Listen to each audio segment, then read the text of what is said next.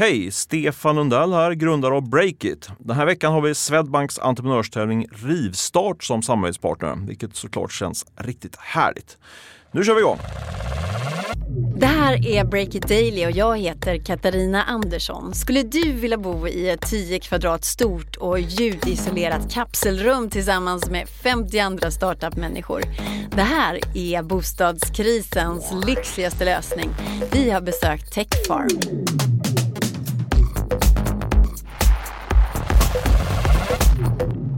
Det är torsdag den 22 november och först ska det handla om gårdagens stora story.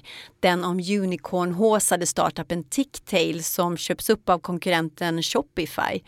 Jon Mauno Pettersson, nyhetschef på Breakit.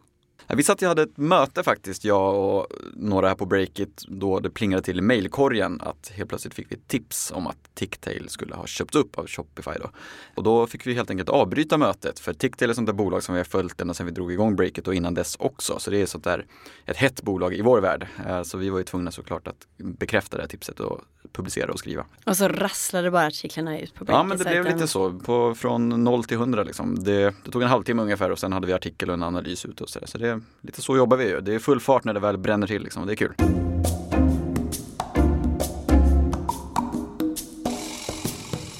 Det började egentligen som en tjänst där man väldigt enkelt kunde starta en e-handel. Ungefär med liksom några klick kunde du dra igång din egen e-handel.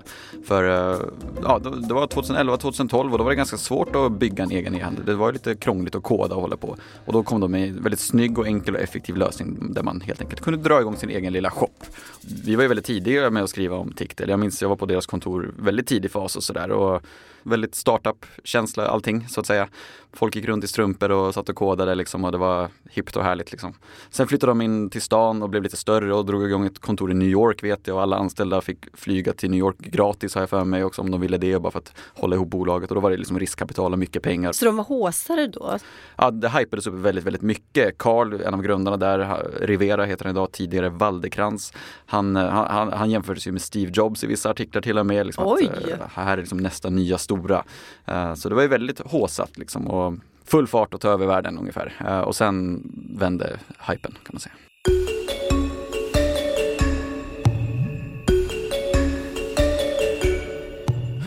Känslan är att från 2016 ungefär så har det blivit ganska tyst om bolaget och när det blir ganska tyst om bolaget så brukar det indikera någonting.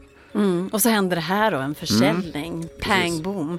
Men vi har ju inte lyckats skaka fram den exakta köpesumman och då tänker jag så här, det är bara för att den inte var så hög för då vill man liksom inte skryta med det annars så vill man väl skryta med att man fått in en massa miljoner. Mm. Ja det är svårt att säga, ofta är den ju lite hemlig sådär men de har ju varit väldigt tysta med hela den här, de har ju knappt kommenterat den här försäljningen. De, vi fick det bekräftat via Facebook Messenger faktiskt, det är lite kul. Det har inte varit liksom något stort pressmeddelande och liksom hipp hurra utan det har varit ganska tyst runt hela den här affären många undrat länge, hur går det för Ticktail egentligen? De som var så hypade.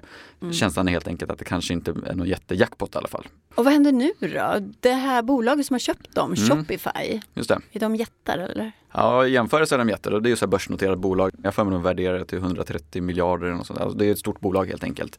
Uh, som gör ungefär samma sak som Ticktail. Man erbjuder liksom en lösning för folk som vill börja pyssla med e-handel eller små butiker som vill vara på nätet också och sälja prylar. Så det är egentligen en Ticktail-konkurrent som slukar ja, stora fisken slukar den lilla ungefär. Mm. Vill du helst skriva om eh, startups som gör eh, så här supersnygga exits och tjänar massa pengar? Eller om det finns någon, vad som är roligast att ja. breaka? Nej, jag vet inte. Jag tycker allt är kul. Det är kul att följa hela resan liksom från oavsett om det blir jättebra eller om det kanske inte blir liksom den där unicornen som vissa trodde. Så det är ändå coolt oavsett.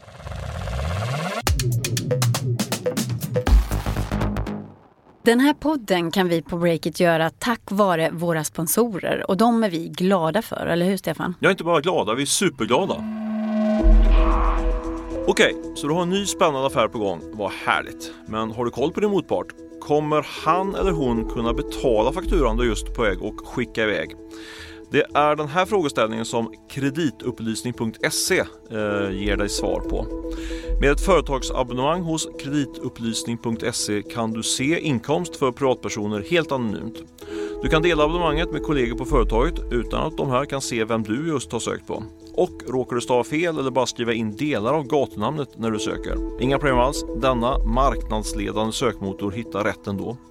Så ge dig själv ett försprång med en riktigt bra kreditupplysningstjänst. Lycka till med dina affärer och läs mer om det här på kreditupplysning.se.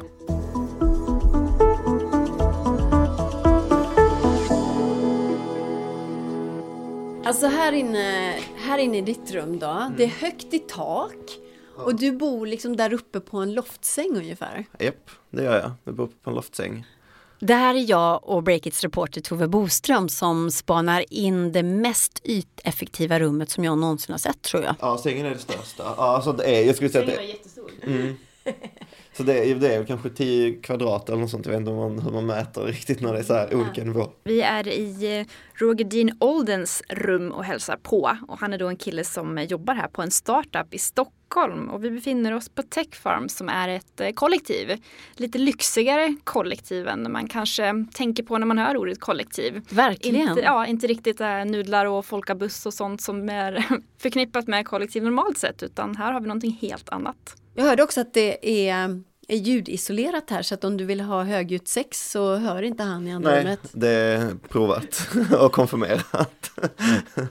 Hur många är det som bor i det här kollektivet där eh, Roger bor då? Ja, det är runt 50 personer som bor här då fördelat på tre våningar, ungefär 800 kvadratmeter. 800 kvadrat, det är Mm, jättestort. Ja, Mm. Och det var ju stora ytor, stora vardagsrum, stora soffor, stora härliga kök. Det var lyxigt. Ja, det är verkligen lyxigt. De har yogarum och ett litet minigym och så. Så ja, det går ingen nöd på de här tror jag. Kylskåp finns här under. Och sen en massa så här småförvaring överallt. Och du får plats med allting, ett helt hem här inne menar du? Ja, det får plats. Allt får plats. Jag är van att leva med väldigt lite saker. Så att om man är van vid att ha mer grejer så, så blir det lite svårt. Du, det heter ju Tech Farm, men är det bara techisar som bor här? Nej, absolut inte. Jag pratade med deras operativa chef här och hon berättade bland annat att de har haft en, en dansk barnfamilj som har bott här. Och det var balettdansöser och läkare och såklart entreprenörer och så. Men en salig blandning i alla möjliga åldrar. Även upp mot 70-åringar har bott här faktiskt. Computer, turn off the bedroom lights. Och där gick alltså Ljusen ljusen, av, ja. och stängdes av där. Ja. Men vad kostar det då? Det är ju ett lyxkollektiv. Ja, det är ganska stor eh, vidd på det här ändå. För ett litet, litet rum där de kallar för sovpoddar då, där man bara får några kvadratmeter betalar man runt 5000 kronor. Och sen om du vill ha det lite lyxigare och kanske bo på ja, 25 kvadrat, som är ett familjerum då, då betalar du ungefär 19 000. Mm, det är ju inte för alla. Nej. Jag tycker det är lite kul för att alla snackar om att så här, du vet, Silicon Valley har så här återuppfunnit roommates. Det är liksom, det är inte så konstigt det här. En så här favoritupplevelse jag haft är när jag kommer hem och är så här supertrött och lite så här ledsen efter att ha varit på jobbet. Jag kommer in i köket och så sitter det fyra personer och lagar mat och druckit vin och sen bara sätter sig ner och blir serverad. um, ja, det är asskönt. Och även till exempel när jag har så här bråkat med min flickvän och så, och så är det någon som har sett det. De kommer bara in till mig och ger mig choklad och kramar. Eh, Det är ganska så obetalbart. Roger Dinholden han menar att det här med att bo i kollektiv det är som en slags motreaktion mot techifieringen. Alltså att eh, folk slukas av mobiler och känner sig isolerade. Ja, det skulle jag säga. Jag har själv en upplevelse av när jag bodde i Norge, jag jobbade i en startup. Så bodde jag ensam i en liten typ 24 kvadratare. Min vardag var i princip att vara på jobbet klockan 10, sen sitta på jobbet till klockan 10. Och sen eh, träna någonstans däremellan på kontorets eh, gym i källaren. Och sen gå hem.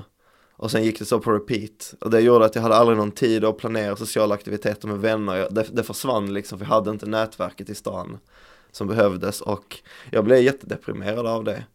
Och jag blev så ledsen så att jag slutade jobbet och flyttade ifrån. Eh, och eh, det problemet har jag aldrig haft sedan jag flyttade in här. För att det är någonting med att, att inte behöva äta middag själv, att inte behöva vara ensam hela tiden, att ha någon att dela problem med. Roger Dinolden på Techfarm alltså. Och det blir mer om Techfarm på sajten idag Tove. Ja, precis. Ehm, klicka in så får ni läsa lite mer om den större visionen med Techfarm. Det är faktiskt så att de som bor där, en del av dem i alla fall, har fått vara försökskaniner i ett forskningsprojekt. Och det går helt enkelt ut på att forskarna vill se hur man mår när man bor på mindre yta. Och om det funkar bra så ska den här studien kunna ligga till grund för eh, andra som vill göra liknande kollektiva lösningar då. En lösning på bostadsbristen. Det är jättespännande. Mm. In och läs. Ja, Imorgon är Break It Daily tillbaka. Lyssna då. Gå gärna in och rate oss i en poddapp. Höga betyg vill vi ha. Vill ni ge låga betyg så kan ni göra det på Twitter. Olle Aronsson är ansvarig utgivare och jag heter Katarina Andersson.